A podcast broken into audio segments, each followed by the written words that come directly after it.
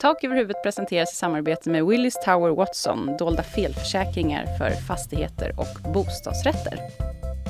När utbudet är så markant mycket lägre än efterfrågan, då är det en press på bostadsmarknaden och priserna stiger. Punkt. Bara man kan bygga små billiga hyresbostäder så kommer allting att lösa sig. Vad man glömmer bort det är ju att nya bostäder är alltid dyrare än de redan byggda. Och idag så ser vi ju en trend som, som går emot att det i stort sett säljs nästan inga fastigheter per se, det vill säga i sig, utan att man paketerar dem i bolag och då blir det ett annat sätt att bedöma om det krävs mäklare eller inte. Tak över huvudet, tak, tak över huvudet, tak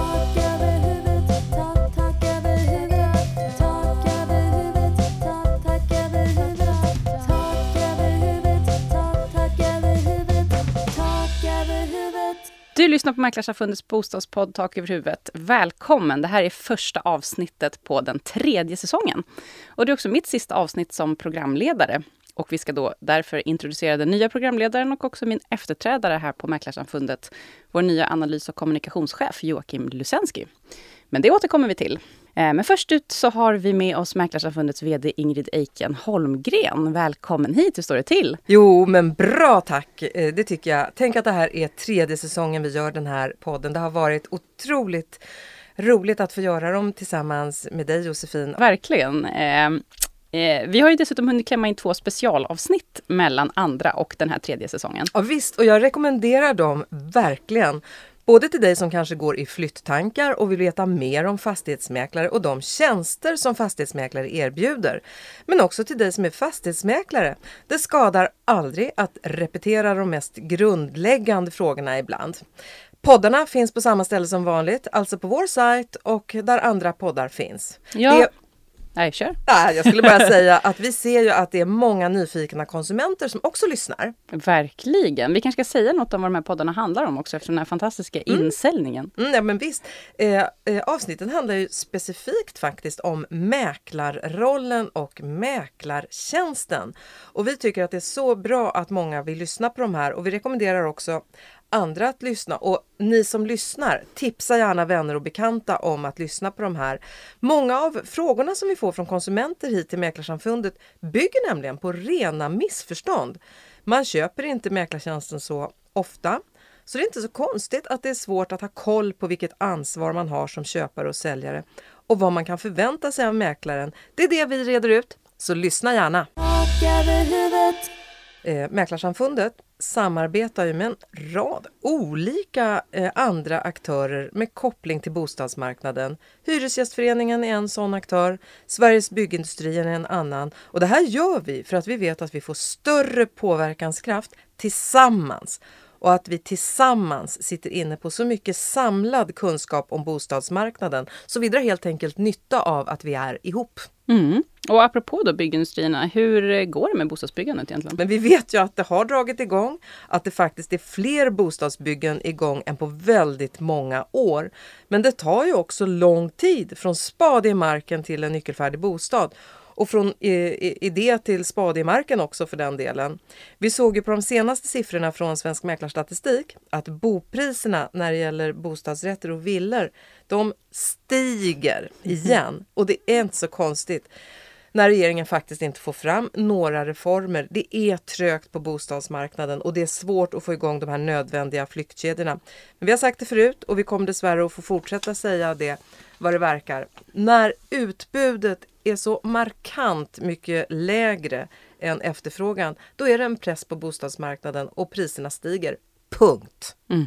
Absolut, och där är det ju ofta så att konsumenterna som hör av sig till oss är väldigt frustrerade över det här och då är det någon som får klä skott och det är ju ibland eh, fastighetsmäklarna som får klä skott för att man inte får köpa någonting. Men där brukar vi, har vi också ett mantra. Ja, det är otroligt viktigt att hela tiden påpeka det för oss och det gör vi att bristen eller, eller ja, hela den dåligt fungerande bostadsmarknaden eh, det är inte fastighetsmäklarnas ansvar. Fastighetsmäklarnas roll är att se till att bostadsaffärerna, bostadsaffärerna sker på ett så tryggt och korrekt sätt oavsett marknad. Stort tack Ingrid Eiken Gren. Mm. Tack så mycket du och ett varmt tack för din tid här Josefin.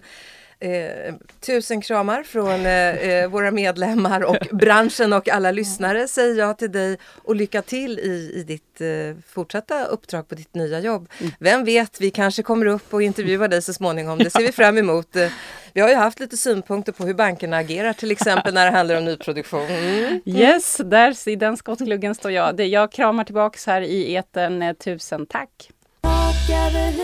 Jag som pratar heter Joakim Lusensky och jag är ny analys och kommunikationschef på Mäklarsamfundet. Hädanefter så är det jag som är programledare för Tak över huvudet, så min röst kommer ni att få höra mycket av. Jag har gett mig ut på stan, närmare bestämt till Sveriges byggindustrier, för ett samtal med Björn Wellhagen. Björn är näringspolitisk chef på Sveriges byggindustrier och det finns inte mycket Björn inte vet om bostadsmarknaden och byggandet i Sverige. Så vi är såklart väldigt glada över att han vill dela med sig av sin kunskap till oss och till våra lyssnare. Hej Björn och varmt välkommen till det första avsnittet av den tredje säsongen av Tak över huvudet. Tack så mycket Joakim. Roligt att få vara med här. Björn, vi har allvarlig bostadsbrist i Sverige där människor vill bo. Men samtidigt så har vi faktiskt också just nu historiskt högt bostadsbyggande. Vad skulle du säga att det beror på att bostadsbyggandet äntligen ökar? Eh, alltså det finns ju eh, en, en, del fundamentala orsaker som eh, faktiskt har förändrats under de, de senaste åren. Och det är framförallt hushållens ekonomiska situation. Eh, man har helt enkelt blivit eh, rikare. Man har också så att säga, även ökat sin skuldsättning men man har så att säga eh, skillnaden är fortfarande så att man blir mer rik än, så att säga, än vad skuldsättningen ökar. Samtidigt har vi ett extremt lågt ränteläge. Vi har en väldigt hög sysselsättning. Så det här bidrar så att säga till att faktiskt konsumenterna får en bättre ekonomi och kan då efterfråga fler bostäder. Efterfrågan ligger i botten alltså menar du? Ja visst, det är rent fundamentalt ekonomiska faktorer som driver upp det. Vi har också haft eh, förändringar i, i fastighetsskatten och även vi har haft jobbskatteavdrag som har gjort att hushållen har fått mer pengar i, i kassan helt enkelt. Samtidigt så finns det ju då grupper som faktiskt har det svårt idag att ta sig in på bostadsmarknaden. Unga är ju naturligtvis ett exempel som ofta kommer upp i debatten. Eh, och då hör man ibland att nybyggnation, det är lösningen för att göra det enklare för unga att ta sig in på bostadsmarknaden. Jag undrar, Björn, vilka andra åtgärder skulle kunna öppna upp möjligheter på bostadsmarknaden även för mindre kapitalstarka grupper, som till exempel ungdomar eller för den delen nyanlända till vårt land? Ja, det finns ju en liten eh, missuppfattande en uppfattning egentligen i, i landet om att ja, bara man kan bygga små billiga hyresbostäder så kommer allting att lösa sig. Vad man glömmer bort det är ju att nya bostäder är alltid dyrare än de redan byggda och att små bostäder blir alltid dyrare per kvadratmeter än de större eftersom du då får fördela de dyra ytorna som kök och våtutrymmen på färre antal kvadrat. Så att det är liksom inte en, en, en realistisk tanke att tro att man ska kunna nå den vägen. Så att ska man försöka få in de här kapitalsvaga hushållen som du pratar om så måste man ju titta på hur ska man kunna hjälpa dem att dels att säga, få ett, ett kapital Eh, och då kan man tänka sig att man använder sig av modeller som finns i andra länder utan någon form av bosparande eller att man kan ha någon typ av startlån. Eh, det finns i Norge det senaste. Eh, det är där man kan få låna pengar för en insats eh, över tiden. Eh, och det kan se ut ungefär som en, ett ehm, studielån ungefär. Att du får låna till en viss summa under ett visst antal år med en, rak amortering på detta. Det skulle kunna vara ett sätt. Och för de som då sen vill ta sig in på den hyrda marknaden då kanske man helt enkelt måste förändra Eh, bostadsbidragen genom att höja dem. Det här med bospar som du nämner, det är ju någonting som eh, då finns i inte minst Norge. Eh, och det är faktiskt ett ganska vanligt fenomen att vi i Sverige jämför vår politik med de andra nordiska länderna. Det sker inte minst inom socialpolitiken. Vad tror du att det beror på om du skulle spekulera att vi i Sverige inte har tagit efter då norrmännen i det här fallet? Alltså det är lite lustigt därför att det, det norska systemet med, där man eh, egentligen baserar på att man ska ha ett ägande av sitt bostad. Det är en gammal socialdemokratisk idé som kom fram efter andra världskriget. Och parallellt i Sverige så var det Socialdemokraterna som utarbetade en bostadspolitik i Sverige där det handlar om att man ska hyra istället.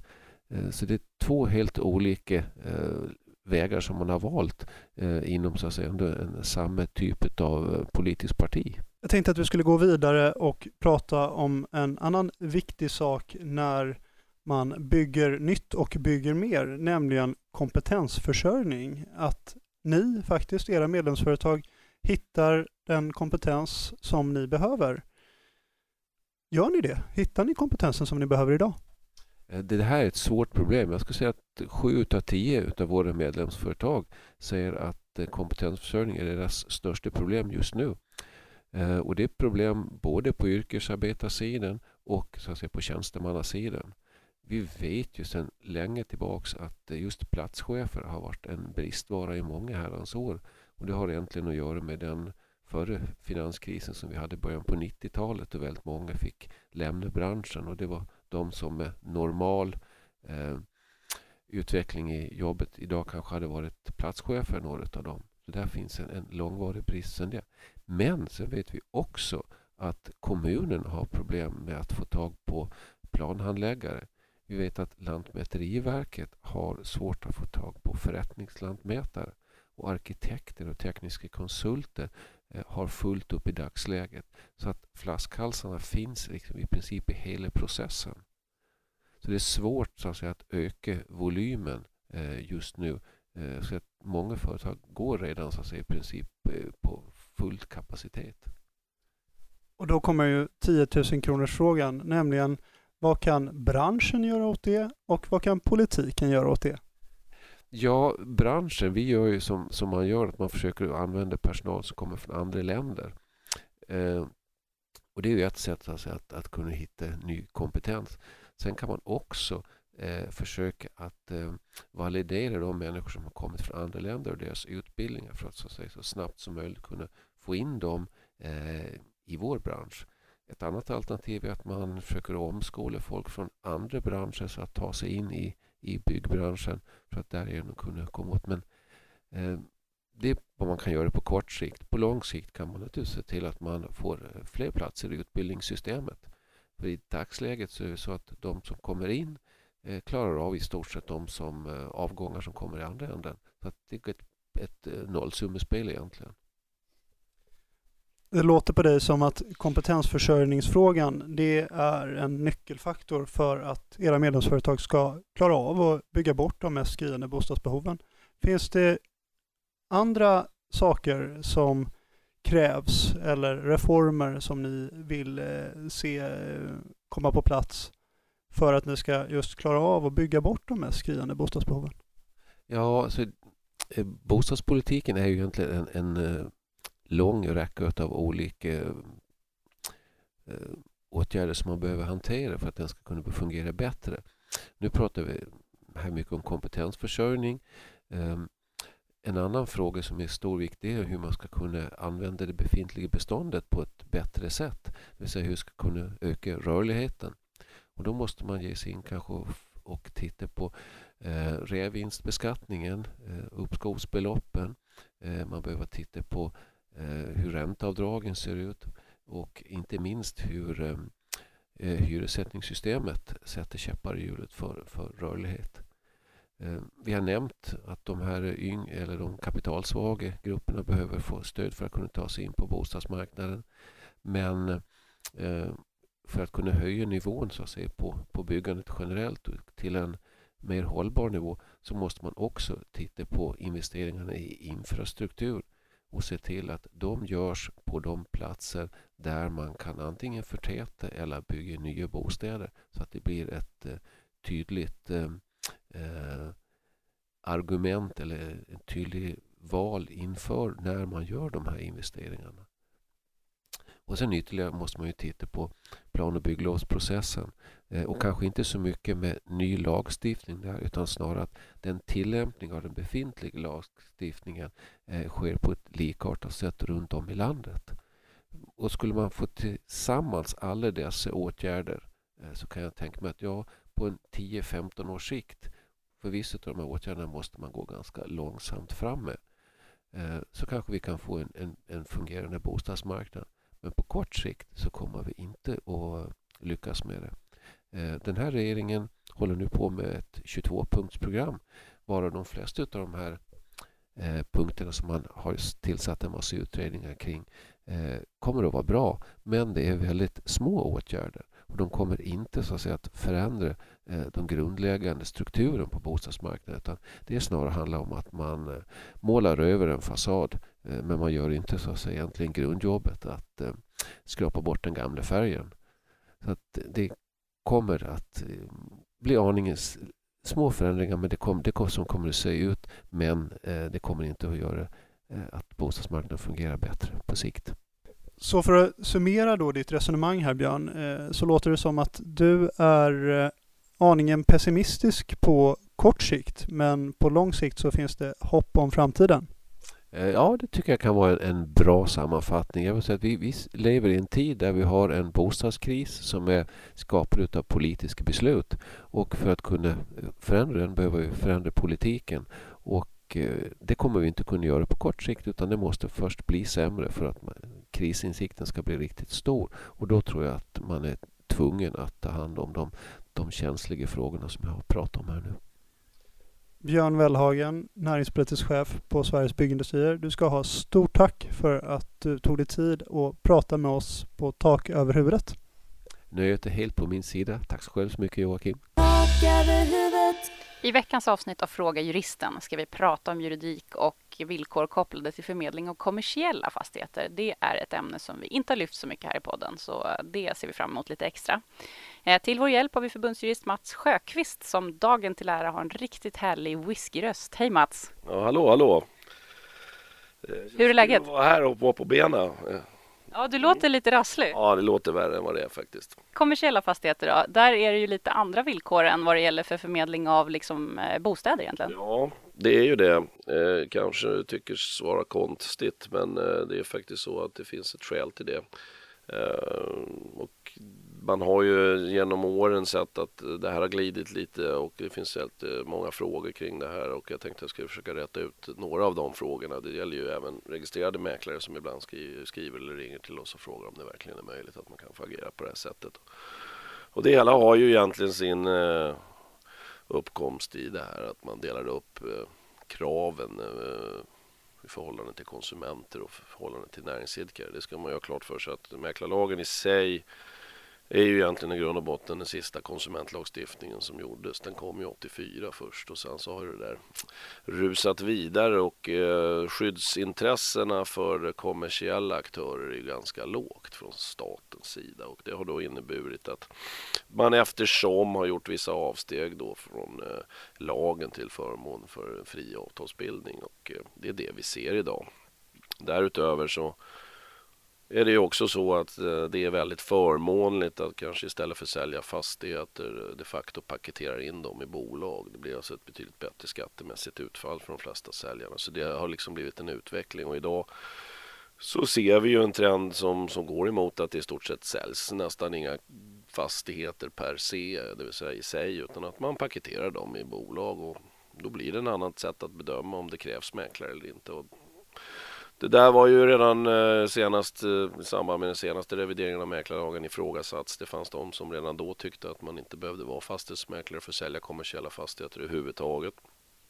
Och det var väl på håret att det skulle kunna bli så. Mäklarsamfundet, eh, så vitt jag kommer ihåg, har reserverat sig för det. Det fanns ett gott skäl för det och det var ju just det förhållandet att det var, trots att det var fastigheterna var kommersiella, så fanns det en del kunder som faktiskt inte hade den sakkunskapen. Det kunde vara till exempel eh, den gamla enkemannen eller änkan som hade ärvt fastigheten. Det kunde vara folk från andra kulturer som har kommit hit som, som faktiskt inte känner till svensk lagstiftning så jättebra men ändå ägde kommersiella fastigheter. Så att man har kommit fram till att det finns ett skyddsvärt intresse fortfarande. Och det som man kan säga som huvudpunkt gäller idag det är följande, det vill säga är det så att det är en fastighet som ska säljas oavsett om den är kommersiell eller inte så krävs det att man sköter sig enligt mäklarlagen. Eh, det är förvisso så att är det näringsidkare så kan man göra vissa avsteg men man måste ändå till exempel vara registrerad mäklare. Okej, vad, och du sa att det kommer in frågor då, då från våra medlemmar kring det. Vad är det, det här frågorna handlar om eller vilken är den vanligaste frågan? Ja, det är väl främst att, att eh, är det här möjligt? Den här personen som jobbar med det här projektet är inte en fastighetsmäklare och eh, det där eh, är ju någonting som vi försöker beivra om det rör sig om svartmäkleri. Men huvudsakligen av de här aktörerna är just det förhållandet att de istället för att sälja fastigheter säljer bolagen. Va? Just det, och då ingår fastigheterna i bolagen. Ja, och då har man paketerat in dem och då är det fullt möjligt att jobba som någon slags mäklare eh, när det gäller bolagen. Just det, du behöver inte vara fastighetsmäklare för att sälja ett bolag såklart. Nej, det, det är så det är. Däremot eh, händer det ibland att de miss, eh, missar att beskriva sitt förmedlingsobjekt utan faktiskt skriver fastigheter och då har det ju varit så att en del icke-registrerade mäklare har blivit dömd för, för eh, svartmäkleri. Det är ju inget jättebrott i sammanhanget, det leder ju oftast till dagsböter. Men, men det är ändå förty att det händer någon gång eh, lite då och då. Och vi har ju här på Mäklarsamfundet även utbildningar om man som eh, fastighetsmäklare vill eh, börja förmedla eh, kommersiella fastigheter och vill veta mer så kan man gå en utbildning hos oss och då har man riktigt tur så kan man ju eh, få dig som utbildare. Ja, så, sån tur kan man faktiskt ha, det är, tr- trots, trots eh, allt. Jag har konstaterat att jag brukar låta lite bättre på de där utbildningarna. Eh, vi har löpande utbildning, det sker väl också en del seminarium för de som är, är, är verksamma. Och jag tror att eh, man har räknat på det där att det är ju förhållandevis mycket pengar som omsatts, omsätts men det är förhållandevis få fastighetsmäklare. Jag tror inte det är mer än 200 personer som håller på med det 200-250 idag. Och det beror ju på att man då idag sedan ett antal år tillbaka har paketerat väldigt mycket. Så det är många andra aktörer som håller på med det här också. Det kan tyckas konstigt men det, det, det är förklaringen. Att lagstiftaren då dels inte tycker att näringsidkare har det jättestora skyddsintresset och dels att, att man har paketerat det så att man kan gå, gå förbi det. Men fortfarande som eh, försäljning av fastigheter oavsett om de är kommersiella, om vi nu pratar om renodlade fastighetsaffärer, då måste man vara registrerad fastighetsmäklare. Så det är alldeles uppenbart att det är så. Mm jag bara tänker på en fråga. Kan man göra likadant då med, med om man ska sälja liksom vanliga bostäder? Kan man paketera dem i ett bolag och sälja dem? Nej, det, det, egentligen så, skulle man väl teoretiskt kunna göra det men det känns ju väldigt märkligt att få hitta en kund, en konsument och det är oftast för boende som skulle vilja köpa. Ja, men Jag tänker de här bolagen Spotify som har sagt att äh, vi har så svårt att hitta bostäder till våra nyrekryteringar. Tänk om Spotify vill gå in och köpa en fastighet med, med, med 20 bostadsrätter. Det här kanske är jätteutopiskt.